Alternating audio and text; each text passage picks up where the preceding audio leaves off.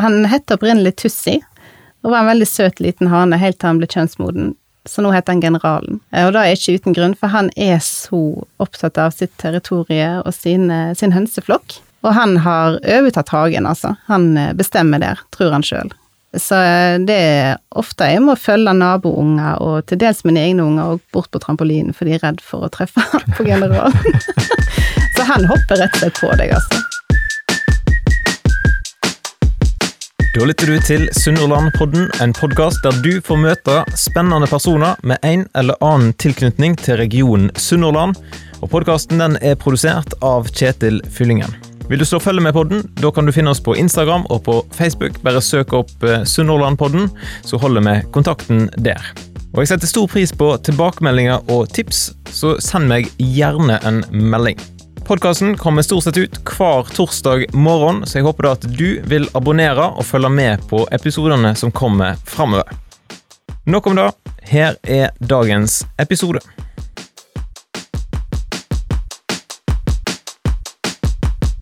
Da må jeg bare advare litt om at i dag på Sunnhordlandspodden så vil det bli litt griseprat.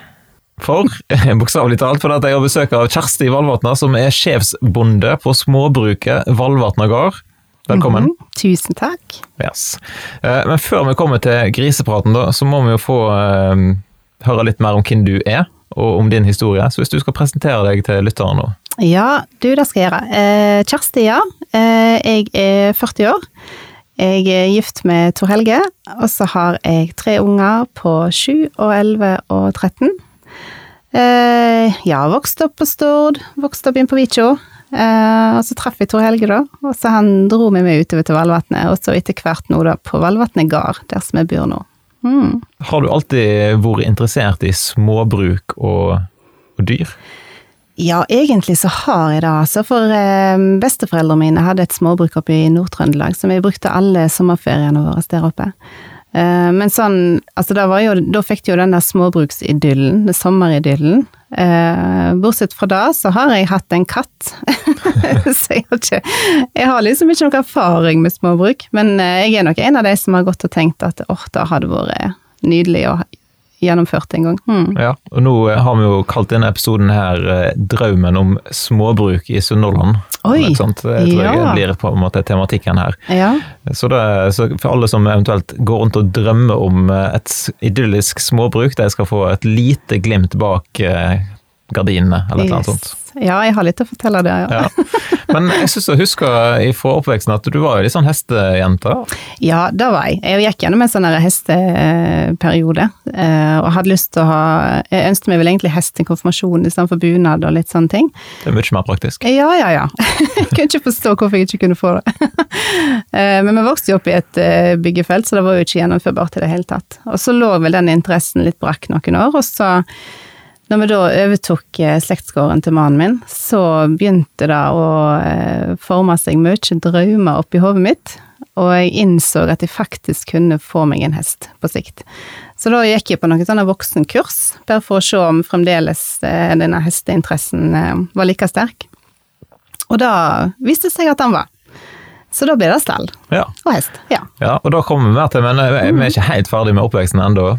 Musikklinja gikk du på? Ja. Ikke, ikke, på noe sånn agronom eller Nei, jeg ser jo nå at jeg valgte helt feil. jeg skulle virkelig gått agronom. Nei, jeg gikk musikklinja. Jeg hadde egentlig tenkt oss å bli utøvende musiker, var planen min. Eh, litt sånn ung og ambisiøs. Um, men så endte jeg faktisk opp eh, på høgskolen på ergoterapiutdanningen i Bergen. Um, litt tilfeldig, egentlig. Hva er en ergoterapeut? Du, en ergoterapeut eh, jobber vel, litt sånn kort fortalt, så er det egentlig å skape en meningsfull eh, tilværelse for folk, tross i forskjellige funksjonshemminger eller utfordringer som de har. At de skal takle hverdagen eh, enklere, enten ved hjelp av hjelpemidler eller eh, trening eller ja. Så eh, ja, så det var egentlig litt, litt tilfeldig at jeg ble ergoterapeut, altså. Har det noe overføringsverdi til bondelivet?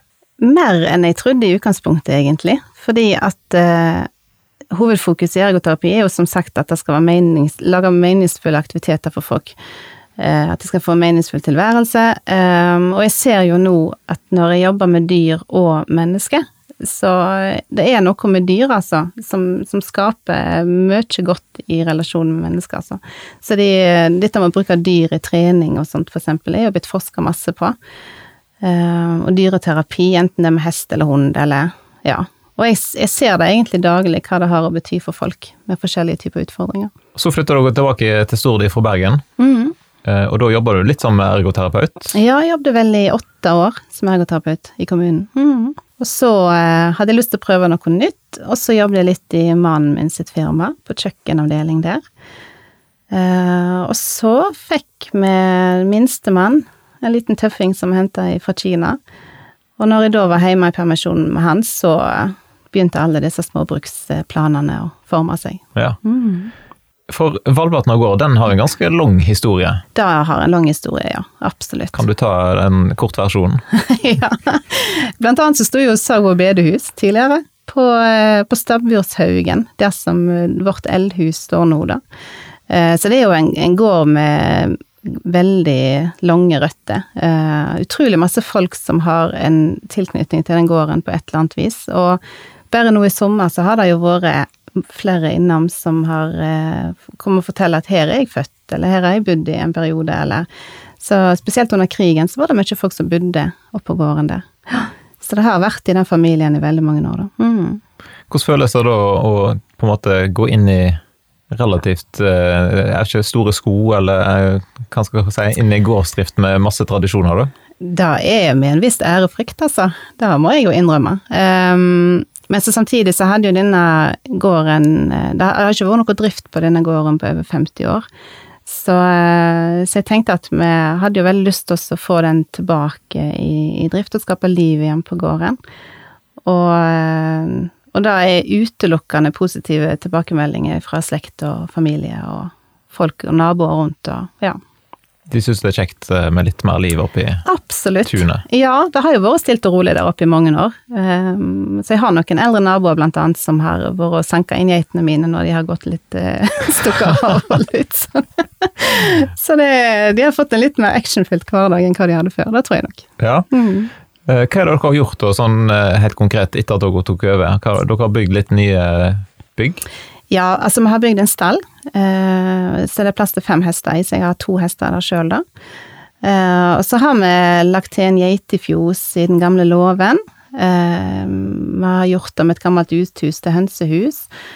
Eh, lagt en ridebane, har vi gjort. Eh, og så ellers så går det jo mye i å restaurere gamle bygg. Det er ja. masse flotte gamle bygg, men det tar litt tid å restaurere, og det er Dere rehabiliterte hjemmehuset, på en måte? Ja, det gjorde vi. Vi rehabiliterte nesten, nesten en total renovering, egentlig. Ja. Vi tok vare på det vi kunne ta vare på av gammel sjel, og så moderniserte vi resten. Ja, et aldri så lite prosjekt.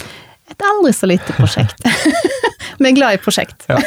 Det er jo sikkert en fordel å ha en mann i byggebransjen. Det er absolutt en fordel. Og en liksom, svigerfar som har vært i byggebransjen. Ja. Så det er òg Veldig godt tips eh, hvis du skal eh, bygge småbruk. Ja, absolutt. kan anbefales. Kan anbefales. Ja.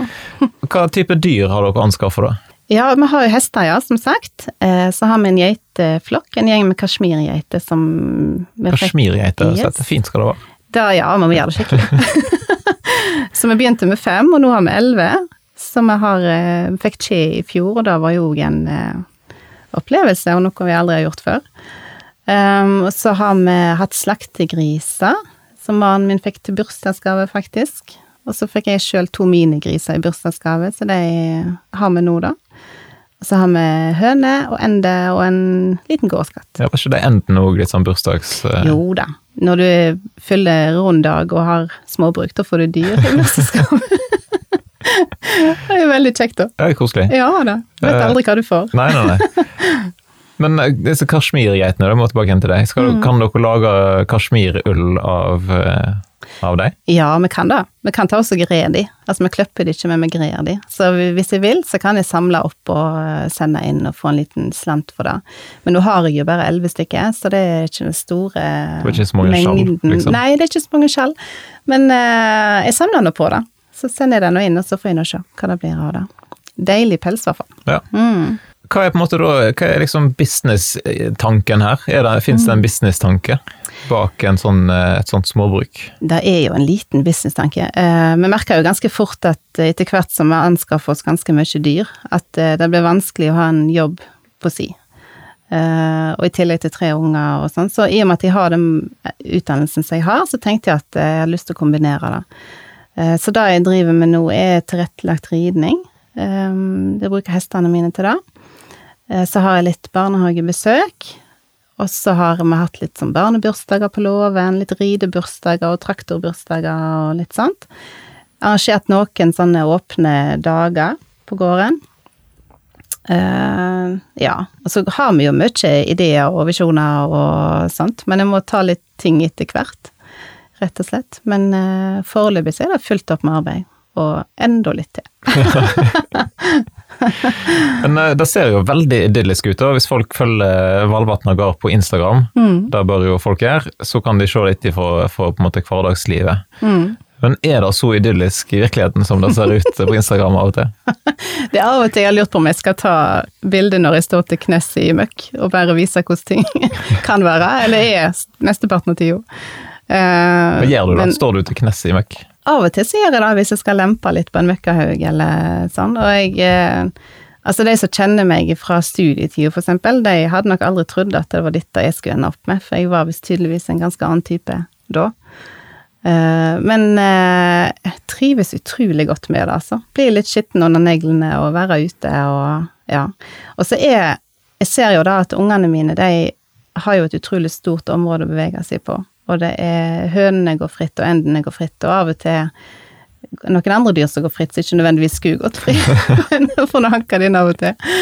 Uh, så det er egentlig utrolig idyllisk, altså. Du våkner opp til hanegal, og med en gang jeg kommer ut døra på morgenen, så hører jeg hestene vrinske og grisene rope, og Så det er Det er ikke så langt fra veldig idyllisk, altså. Og ja. de dagene det er kaldt og det regner på Vestlandet og ja, har du skikkelig klær så, Nei, nei, jeg skal ikke, jeg skal ikke lyge. Det det er, noen dager i vinter som har vært litt gufne. Ja, det er det, altså. Um, men jeg tror faktisk ikke jeg kunne bytta det vekk mot å sitte inne på et kontor. Altså, ikke nå når jeg er vant til, vant til sånn som jeg har det nå. Og så er det noe med å skape liv i noe som er gammelt, og prøve å eh, ja, restaurere gamle bygg, og, og, det er jo ikke noe moderne, fancy eh, gårdsdrift vi driver i det hele tatt. Vi tar utgangspunkt i de gamle byggene som vi har, og gjør det jo enkelt. Uh, men vi har lykkelige dyr, tror jeg. Ja. ja. jeg har trykt med at de blir veldig glad når de ser deg. Ja, det gjør de. Det er visst litt uh, forskjell, sier de, når jeg kommer og når andre roper på dem. Sånn Olaf og Georg, minigrisene mine, når de hører meg, så springer de glatt vekk fra de andre som de står med, og så roper de på matmor. Ja. Gris, de, jeg trodde grisen sto og hylte, på en måte. Men ja, jo da, han gjør det, men det er gode, gode, gode hyl. Ja. Mm. men hvordan ser da en helt vanlig dag ut uh, i livet på, en, uh, på et sånt småbruk? Nå har jeg jo vent dyrene mine til at de får ikke noe service før jeg har fått ungene ut av døra til, til skolen på morgenen.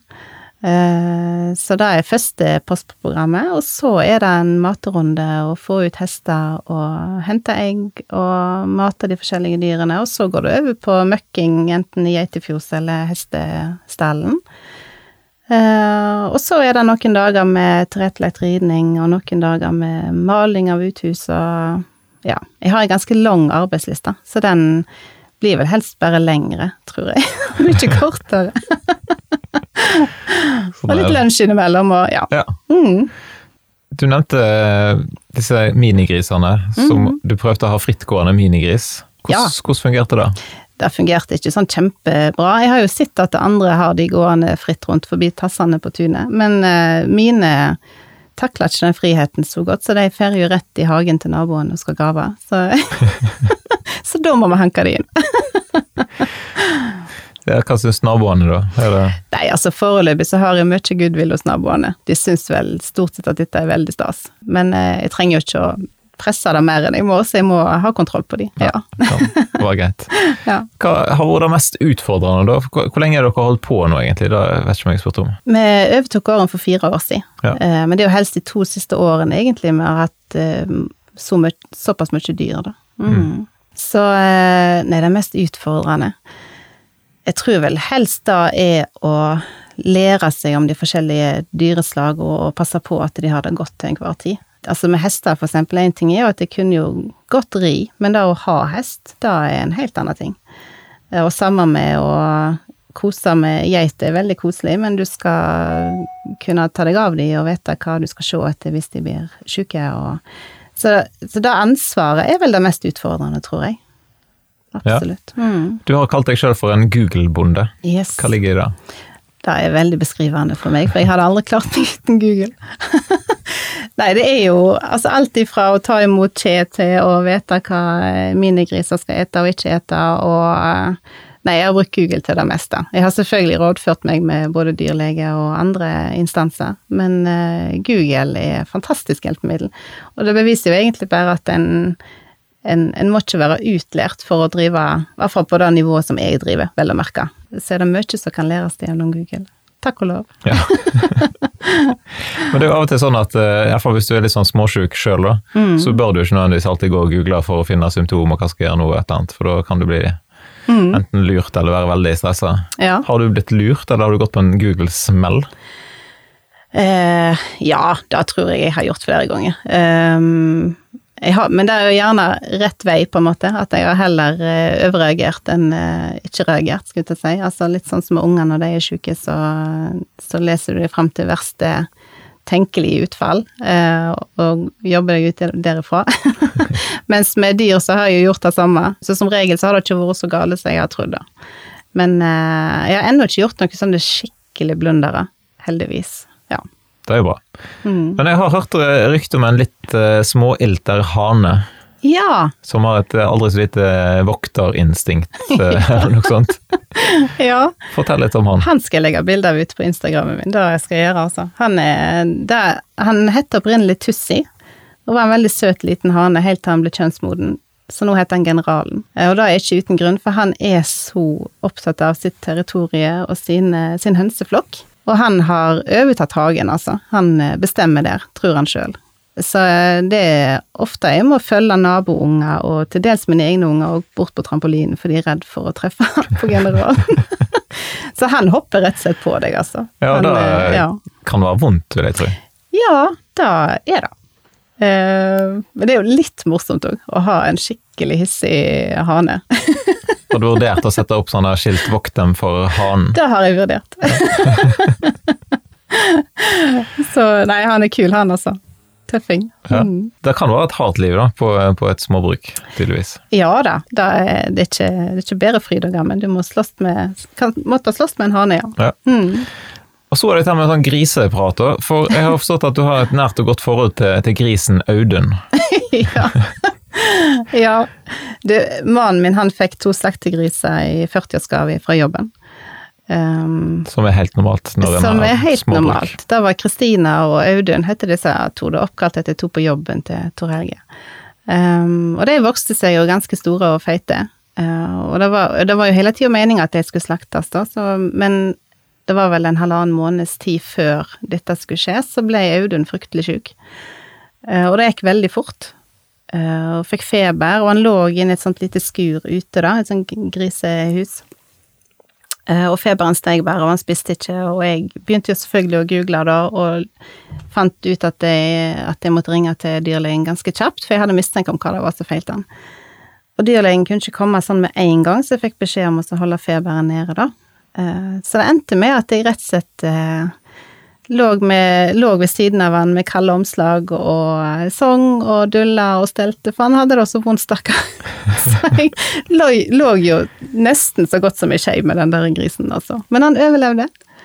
Og, og ble slakta? Og ble slakta, men siste halvannen måneden var veldig flott. Ja. ja sånn er det. Men da, ja. da, er det jo greit å ha litt sånn artistgener i seg og ha musikklingebakgrunn? Ja da, det blir nok en inderlige sanger. Stakkar, ja. Sånn er det. Mm. Ligger det ute bilde av det, forresten?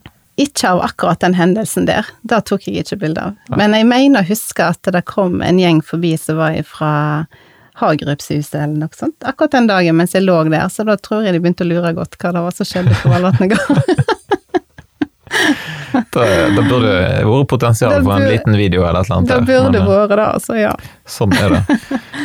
Men det er jo sånn i en, eh, i en sånn hverdag at noen dyr de takker for seg. Mm. Både med slakting og at den ja, går av eh, ut av historien på andre måter. Gråtusser så jeg at du hadde lagt ut et bilde av, eksempel, Ja. som hadde tatt kvelden. Ja. Ja, det var en godhesten min som jeg måtte avlive nå på forsommeren. Så det er, det er jo en del av det å ha gård, egentlig. Altså, det er fryktelig trist, for jeg, jeg eh, blir jo fryktelig god venn med disse dyrene, da. Alle dyrene mine har jo navn, og det er veldig sånn De har sine personligheter, og ja.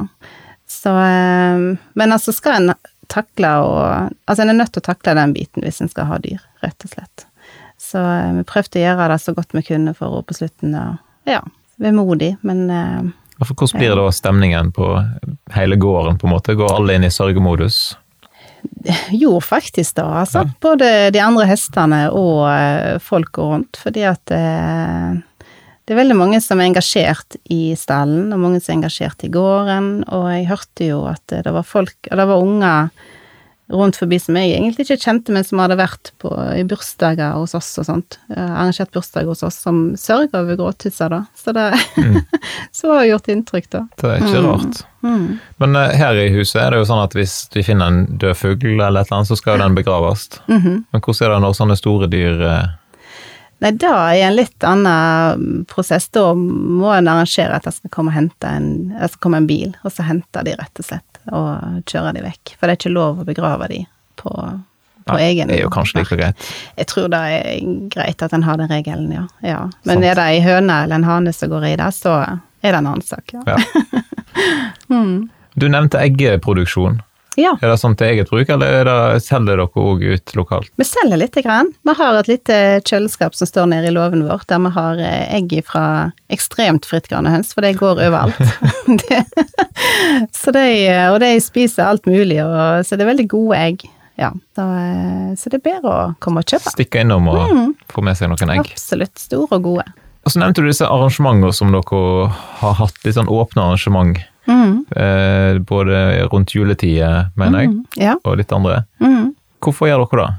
Det er fordi at jeg syns det er så viktig at folk får lov å komme inn på et gårdstun. Og jeg, det er så mange som skryter av det, som syns det er kjekt. Og så elsker jeg å skape stemning og skape magi, og spesielt rundt jul. Jeg elsker jul.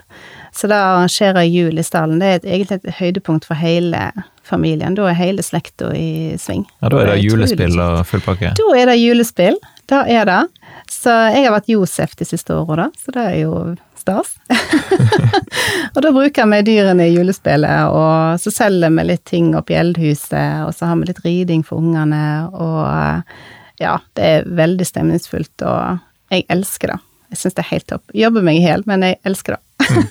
Så folk må allerede nå krysse ut eh, Har du satt en dato, liksom? Blir det da i år? Nei, nå er det jo dette koronagreiene, da, så yes, vi får se litt. Grann. Ja, dessverre. Men eh, jeg håper jo at det blir. Og så er det jo utendørs, så jeg håper at vi skal klare å finne en løsning på det. Finne fram et munnbind og Ja, et eller annet. Kom. Yes. Men eh, hvis nå da de som lytter og går med en drøm om småbruk, sant? de sitter på Finn og leter etter et småbruk en eller annen plass i Sunnhordland, hva Mhm. er dine beste tips da, som en rutinert småbonde? ja. um, nei, altså, jeg tenker jo Altså, det første en må gjøre, er jo å tenke over hva tid det faktisk tar. Um, at en må være innstilt på at en må jobbe første juledag og 17. mai og alt dette her. Og at det ikke nødvendigvis er noe en blir så rik av. Eh, men hvis en er innforstått med det, så tenker jeg at eh, det viktigste er også å lese seg litt godt opp, snakke med folk som har gjort det før. Um, og så finne gjerne dyreslag som passer til den type gård som du har. vi valgte jo geiter fordi at vi skal beite ned området rundt oss, for eksempel. Så tenk litt gjennom det, og ja, gleder seg. liker å være ute, liker å jobbe hardt og ta i et tak. Ja. få med seg hele familien på laget? Ja, jeg har jo vært ekstremt heldig der, med både min egen familie og min svigerfamilie, for alle er jo engasjert i dette prosjektet. Så nå kommer jo faktisk snart eh, foreldrene mine eh, med hestestallen min, de skal få seg hest. Såpass? Som med søsteren min. så det er 67 år å få seg hest. Det syns jeg er kult. Ja. Det er jo tøft. Mm. De er litt engasjert òg med å avlaste litt i ferie og sånn òg, eller? Ja, de gjør det. Ja, for det, det- må jo være en utfordring når du har går og får tatt seg litt fri. Ja, det er en utfordring, og det er også noe en gjerne skal tenke litt eh, over. At den fleksibiliteten i forhold til reising og sånt, den blir jo mye mindre. Um, men jeg har vært kjempeheldig, som sagt. Altså, enten det er søsken eller foreldre, og de styrer på og møkker, og de henter på egg og mat til griser, og ja, sånn at vi får, får oss en liten ferie i ny og ne. Og da kjenner jeg jo viktig, da, med tanke på ungene spesielt, at eh, de får en mamma som tar helt ferie. Ja, Mm. Det er nok viktig. Og så så jeg eh, aller senest i dag et bilde fra et andels andelslandbruk. Ja. Men det er, ikke, det er ikke deres gård som er andelslandbruket, det er noe annet du er med på? Nei, dette er bare noe jeg gjør sånn på fritida, skulle jeg si. Høres kanskje litt galskap ut når jeg har en gård sjøl, men det er rett og slett for å Jeg er med på det andelslandbruket på Lønning.